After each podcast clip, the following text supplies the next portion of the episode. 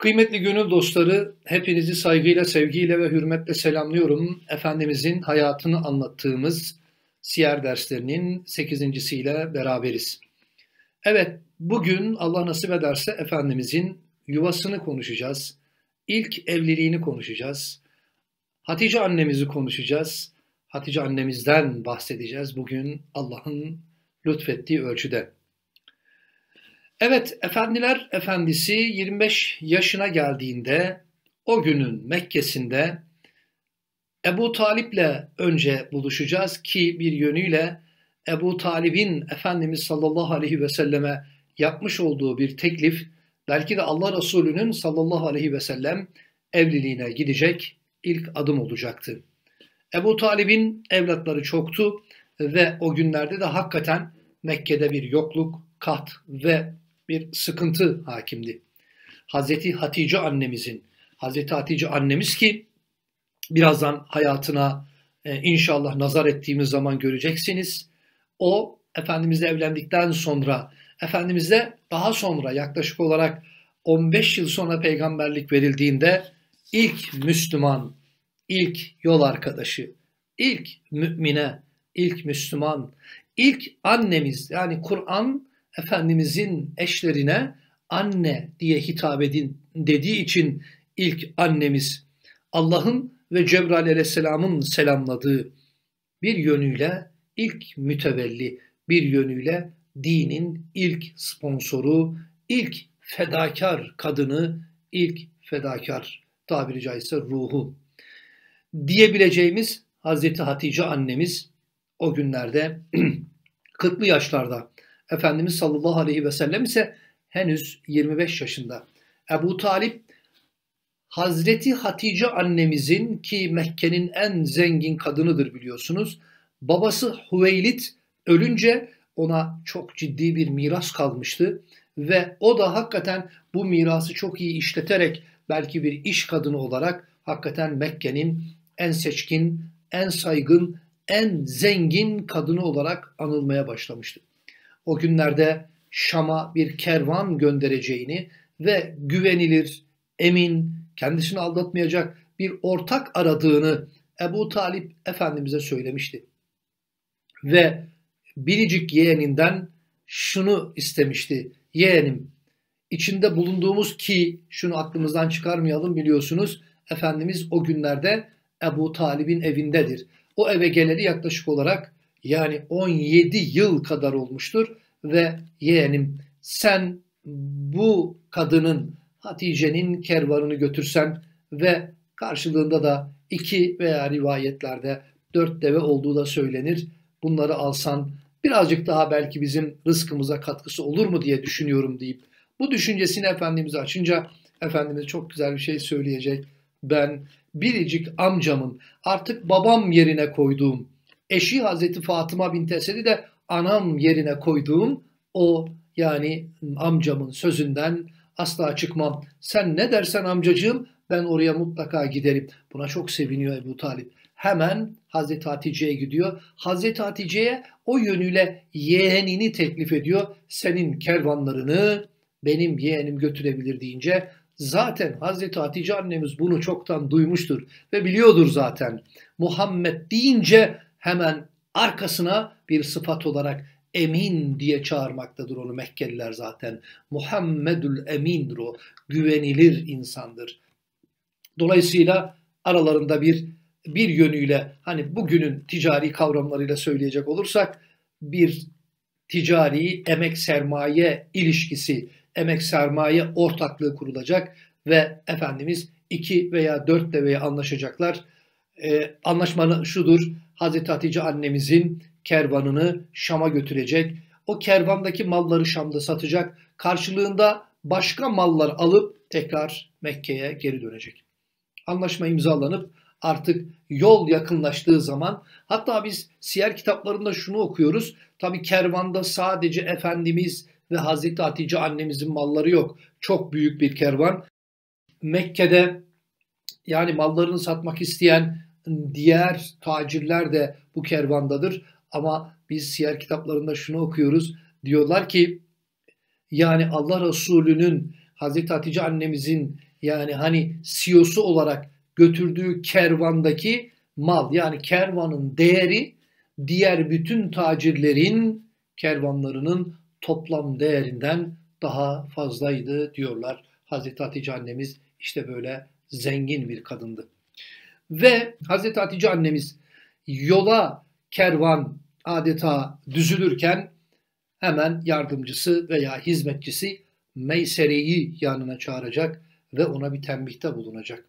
Her halini, her durumunu, ne yaparsa, ne ederse adeta aklına yazmanı istiyorum ve bunları gelince bana anlatmanı istiyorum.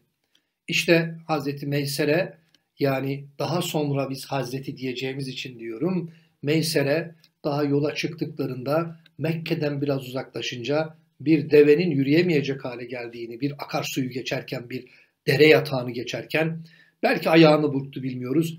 Allah Resulü çağıracak. O 25 yaşındaki insan. Gelecek henüz peygamber değil. O devenin ayağını sıvazlayacak ve o deveyi o kervanda, o yolculukta bir daha geçen olmayacak. Nasıl olmasın ki?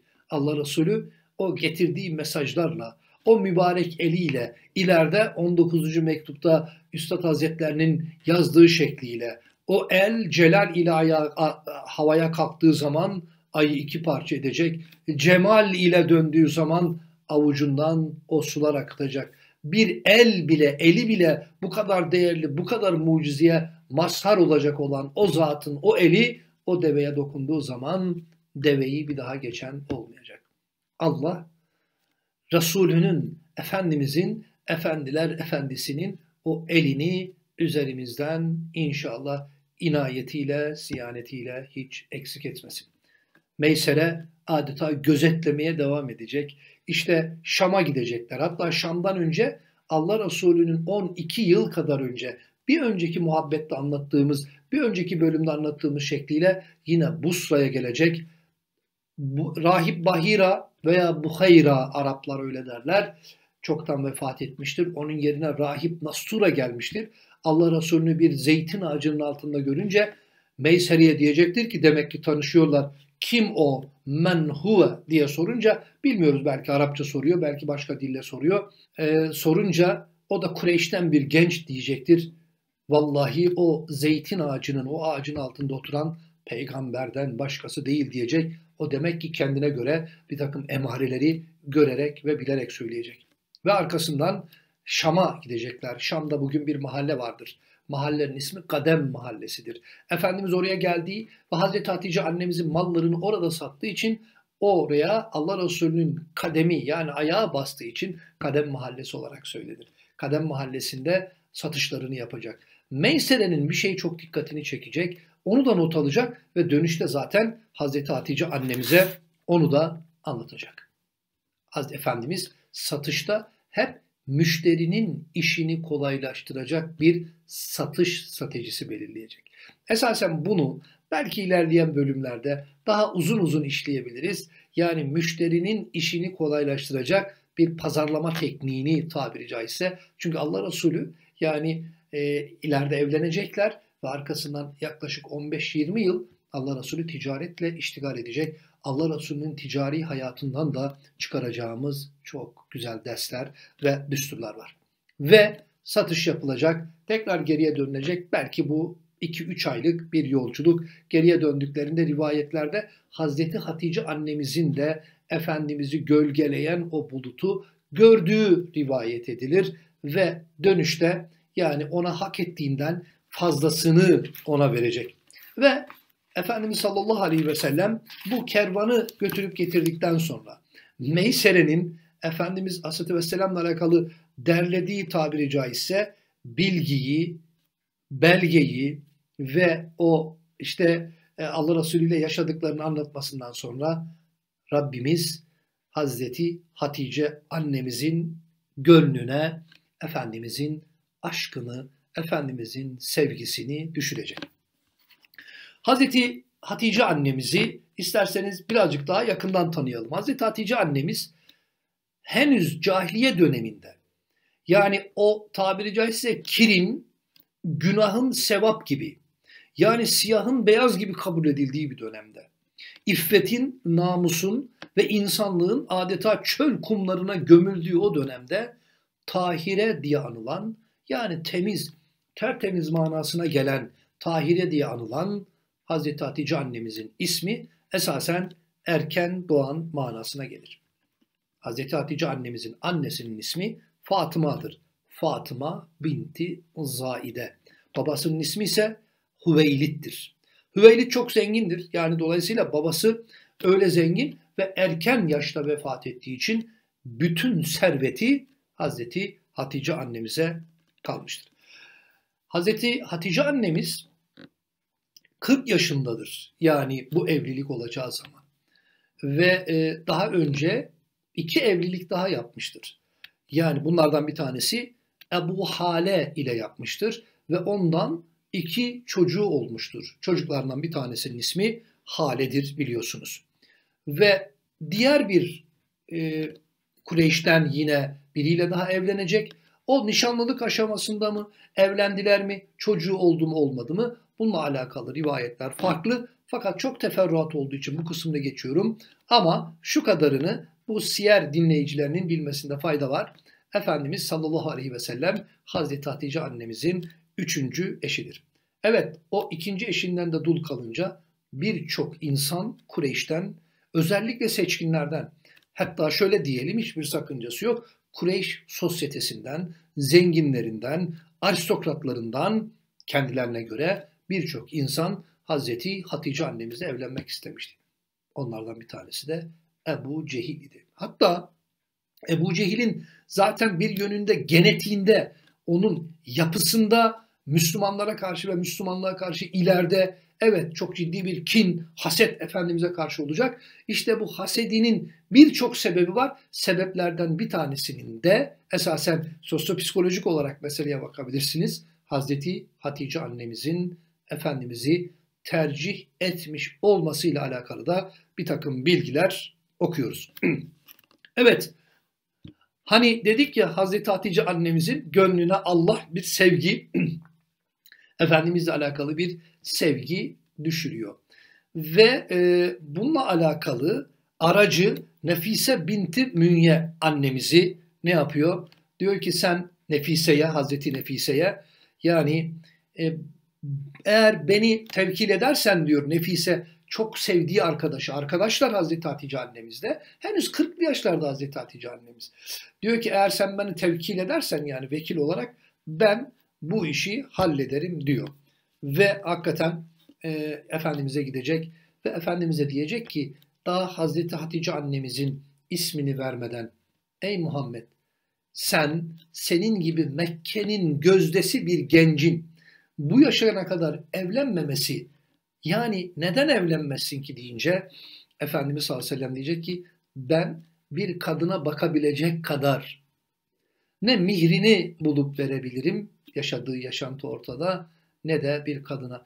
Peki senin mihrini üstlenecek ve hakikaten seninle hayatı paylaşacak zengin birisini bulsak olur mu böyle bir evlilik deyince Efendimiz sallallahu aleyhi ve sellem sukutuyla belki buna cevap verecek. Belki amcasına da danışacak biliyorsunuz. Ve yani Nefise orada aldığı yani e, evet oluru gibi kabul ettiği bu haberi sevinç içerisinde Hazreti Hatice annemize götürecek. İşte resmi teklifte yapıldıktan sonra çoktan göklerde yani yazılmış olan bu evlilik artık formalitesinin halledilmesi aşamasına gelecek.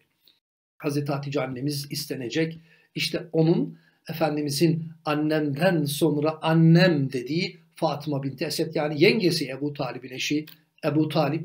Diğer taraftan yani kız tarafından e, Hazreti Hatice annemizin kuzeni ve amcası. Kuzeni kim? Varaka İbn Nefel'in de burada olduğu söyleniyor. Ve Efendimiz'e Hazreti Hatice annemizi istemeye gidecekler. Çok güzeldir. Çok hoşuma gider. Hatta bazen böyle kız isteme merasimlerine falan götürdükleri zaman da bu kısmı mutlaka anlatmayı tercih ettiğim yani çok güzel bir şey yaşanıyor orada. Panorama yaşanıyor tabiri caizse. Ve Ebu Talip ayağa kalkacak ve diyecek ki veya oturduğu yerden diyecek ki evet bu benim yeğenim. Ben bu yeğenime Hatice'yi istiyorum. Dünyalık açıdan baktığınız zaman çok ciddi bir malı, mülkü yok. Ama onun hazinesi, onun değeri, onun malı, onun hazinesi, onun mülkü, onun edebidir, onun iffetidir, onun soyudur, onun emin olmasıdır, onun sıfatlarıdır. Evet, yani benim yeğenim min işte hazinesi tabiri caizse bir yönüyle işte mihri de budur diyecek. Sonra Varaka bin Nefel bir konuşma yapacak. Sonra arkasından kız tarafından bir iki kişi daha konuşacak ve bu evlilik işte belli bir mihir kararlaştırılarak e, kurulmuş olacak. Tabi ilerideki derslerde belki gelecek ama yani benzediği için yani ileride Bilal-i Habeşi'yi konuşacağız. Bilal-i Habeşi yıllar sonra Medine'de kendi kız kardeşine, özür dilerim kendi erkek kardeşine, belki de Mekke'de bilmiyoruz, kız ister. Kız istemeye gider. Çok benzer Hazreti Hatice annemizin isteme merasimine. Ve e, tabi Habeşli iki köledir bunlar. Ve der ki böyle hani kız tarafını istemeye gitmişler. Kız tarafına der ki Nahnu abdeyn minel Habeşe. Biz Habeş'ten iki köleyiz yani. Yani ana Bilal der zaten. Ve hazahi. Bu da benim kardeşim yani. Nahnu abdeyn minel Habeşe. Biz Habeş'ten iki köleyiz. Kızı verirsiniz, elhamdülillah der gideriz. Vermezsiniz, vardır bir hikmeti der, yine elhamdülillah der gideriz. Kız isterken bile bu kadar mütevazı. Tıpkı yarın öbür gün inanıp bir daha hiç bırakmayacağı efendiler, efendisi gibi, efendisi gibi böyle mütevazi bir kız isteme merasimi olur. Mütevazi bir düğünle Allah Resulü dünya evine girer.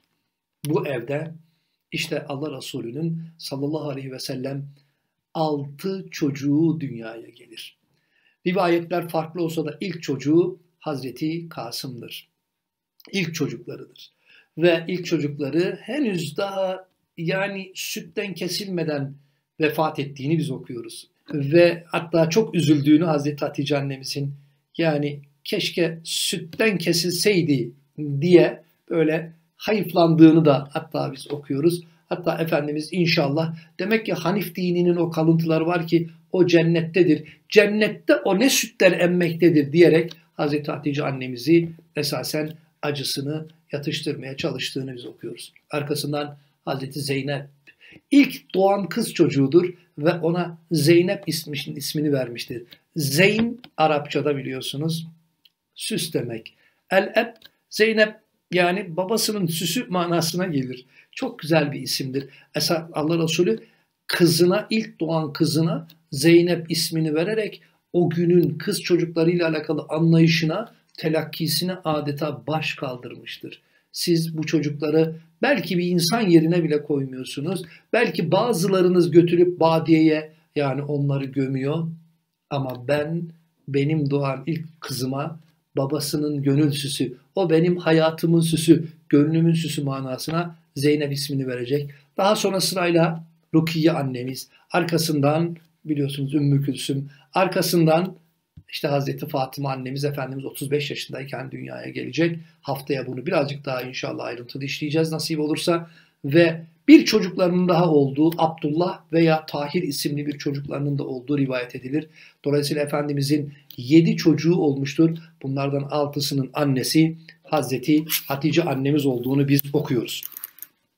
Evet, Hazreti Hatice annemiz Efendimiz sallallahu aleyhi ve selleme bir yönüyle gözü gibi bakmıştır. O yuva cennet köşelerinden bir köşe olmuştur. Evliliklerinin tam 15. yılında da Allah Resulü sallallahu teala aleyhi ve sellem ne nübüvvet verilmiştir. Hatta nübüvvetinden 5 yıl kadar önce o 35 yaşındayken Efendimiz yani Hira günleri başlamıştır. Bazen giderdi orada bir ay kaldığı olurdu, üç hafta kaldığı olurdu. Döner gelirdi biraz beraber yaşarlardı, işleri yoluna koyarlardı. Allah Resulü gider bir hafta yine gelmezdi. Biz Hazreti Hatice annemizin işte bu dönemde ya ben bir iş kadınıyım, evde bu kadar çoluk çocuk var, sen oraya gidiyorsun diye hiç serzenişte bulunmadığını, hatta azığını bizzat kendi eliyle götürdüğünü, hatta yer kararlaştırdık ki bugün o kararlaştırdıkları yerde Mescidi İcabe denilen bir de mescit vardır. Hatta haç daha doğrusu Arafat dönüşü birinci gün şeytan taşlamadan yani Kabe'ye doğru tekrar Mescid-i Haram'a doğru dönerken orada biraz oturup dinlenmek de haccın sünnetlerindendir. Ve kendisine nübüvvet verildikten sonra Efendimizin işte o kadın ilk Müslüman, ilk mümine, ilk anne. Artık o günden sonra çetin bir hak batıl kavgası başlayacak. Evet doğrunun yanlışla kavgası başlayacak. O günden itibaren kulları Allah'a tabiri caizse götürme. Allah'la kulları arasındaki engelleri kaldırma gayreti başlayacak. İşte o gayret başladığında sallallahu aleyhi ve sellemin ve arkadaşlarının Müslümanların üzerine öyle gelecekler ki tıpkı bugünkü gibi sistemlerini batıl üzerine kuran, zulüm üzerine kuran, hukuksuzluk üzerine kuran, sömürü sistemlerini yanlış kutsallar üzerine kuran, putlar üzerine kuran o batılın temsilcileri haktan korktukları için tabiri caizse o hakikat güneşinden gözleri rahatsız olduğu için Allah Resulüne ve arkadaşlarına işkence edecekler. Boykotlar uygulayacaklar. Ve e, hakikaten Mekke dönemi o yönüyle olağanüstü sıkıntılı geçecek. İşte o sıkıntılı günlerde Allah Resulü'nün en baş yardımcısı, tesellicisi ve destekçisi Hazreti Hatice annemiz olacak. Hazreti Hatice annemiz belki yani sohbetler değil, sohbete değil, sohbetlere konu edilmeli. Bu 20-25 dakikada hakikaten onun anlatılması mümkün değil. Ama Hazreti Hatice annemiz evlendiğinde Mekke'nin en zengin kanadını, hatta oturduğu koltuğun fil dişinden olduğunu okuyoruz biz. O şamdanlıklar yani e, asıldıkları işte o aydınlatmak için şamdanları astıkları o zincirlerin altın ve gümüşten olduğunu okuyoruz. Birkaç tane konağının olduğunu okuyoruz. Şöyle düşünün Allah Resulüne peygamberlik geliyor. Hazreti Hatice annemiz 10 yıl daha yaşıyor. İslam'ın 10. yılında 65 yaşındayken vefat ediyor. O seneye ümmet senetül hüzün dedi. Yani Ebu Talip de 3 gün arayla vefat ettikleri için senetül hüzün, hüzün senesi denildi. Allah Resulü onu götürdü ve hacına. Hatta şöyle okuyoruz. Bir, Allah Resulü sallallahu aleyhi ve sellem yani o boykot yıllarında, o işkence yıllarında işkence altındaki kölelerin alınıp hürriyete kavuşturulmasından, boykot yıllarında o işte bir erzaka ihtiyacı olanlara erzakın dağıtılmasına kadar. Yani yeter ki bunlar İslam'dan soğumasınlar. Biz buna çok rahatlıkla muavenet diyebiliriz. Yani o muavenet günlerinde Hazreti Hatice annemizin bütün servetini Hazreti Hatice annemiz infak etmiştir. Allah Resulü o tebliğ yolunda rahat yürüsün diye bir yönüyle o servetini Allah Resulü'nün ayaklarının altına sermişti. Ve Allah Resulü onu kefenlemek için kefen parasını birinden ödünç aldığını biz okuyoruz. Hacun bugünkü mualla kabristanına onu götürecek ve defnedecektir. Hazreti Hatice annemizden sonra Allah Resulü şöyle düşünün yani 50 e, yaşına kadar yani onunla evli kalacak yaklaşık olarak 25 yıllık bu yani birliktelik yani hacunda muallada sona erecek. Ama Allah Resulü sallallahu aleyhi ve sellem onu hiçbir zaman unutmayacak. Her zaman onu anacak. Anmaya devam edecek onu. ve Mekke'nin fethedildiği gün Allah Resulü sallallahu aleyhi ve sellem Mekke'deki 13 zorlu yıldan sonra Medine'ye hicret edecek. Hicretin 8. yılında dönüp Mekke'yi fethedecek. Hatta ona Mekke'nin fethinden sonra ya Resulallah nerede kalacaksınız deyince kendi babasının evi olabilir veya Merve tepesi yakınlarındaki Efendimizin Hazreti Hatice ile annem, annemizle 25 yıl kadar birlikte yaşadıkları evde olabilir. Dudaklarından hüzzam bir şarkı gibi adeta şu dökülecek Efendimizin diyecek ki akil bize ev mi bıraktı ki hicret ettiğinde Allah Resulü sallallahu aleyhi ve sellem akil Efendimizin evi veya evlerini satmış. Hatta o günkü müşrikler kayyım atamışlar, satmışlar ve parasını yemişlerdi. Tıpkı bugünün zalimleri gibi. Ve Allah Resulü adeta ben nereye gideceğimi biliyorum diyerek hacına kadar, mualla kabristanına kadar gidecek çadırını Hazreti Hatice annemizin kabrinin yanına kuracak. Ve yaklaşık Huneyn Harbi'ne kadar 14 gün kadar orada kalacak. Belki orada o çadırda, belki farklı bir yerde yaşandı bilmiyoruz. Hazreti Hatice annemizin kız kardeşinin ismi Hale'nin sesini duyunca Efendimiz heyecanlanacak. Bu rahmetli Hatice'nin kız kardeşinin sesi deyince yanında da Hazreti Ayşe annemiz vardır. Efendimiz'i çok kıskanırdı. O kıskanmalara canlarımız kurban olsun. Ve dedi ki belki biz bir şey öğrenelim diye. Bak dikkat buyurun. Belki onu bir kere daha ansın diye. Belki de hakikaten vefanın peygamberhane bir vefanın ne olduğunu ümmeti öğrensin diye Hazreti Ayşe annemiz dedi ki ya Resulallah ondan daha gencini buldun, daha güzelini buldun, hala onu anmaya devam mı edeceksin deyince hayır ya Ayşe dedi, hayır. Ben onu anmaya devam edeceğim dedi. Ben onu anacağım çünkü siz yoktunuz, o vardı. O bütün servetini ben devamı, dinimi anlatayım diye benim ayaklarımın altına serdi. Çok vefalıydı o. O hakikaten Allah'ın ve Resulünün, Cebrail'in selam ettiği biriydi. Bütün çocuklarım ondandı. Evet zorluk günlerinde o benim en büyük destekçimdi diyecek ve Hazreti Hatice annemizi hiçbir zaman unutmayacak. Hatta biliyor musunuz Medine'de kurban kestirdiğinde önce Hazreti Hatice annemizin arkadaşlarına ve akrabalarına dağıtırdı Allah Resulü sallallahu teala aleyhi ve sellem. Evet Hazreti Hatice'yi Hazreti Hatice yapan bir yönüyle cömertliğiydi.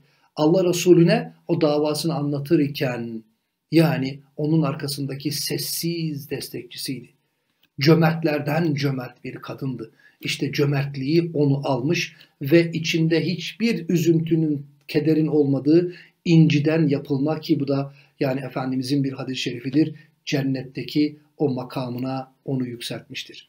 Evet, bugünün Anadolu'sunda da hakikaten Hazreti Hatice annemizin fedakarlığına tabiri caizse benzeyen fedakarlıklara çok ihtiyaç var. O muavenetlere hakikaten çok ciddi ihtiyaç var. Efendimiz sallallahu aleyhi ve sellem nasıl ki bu cömert kadını hiçbir zaman unutmadı.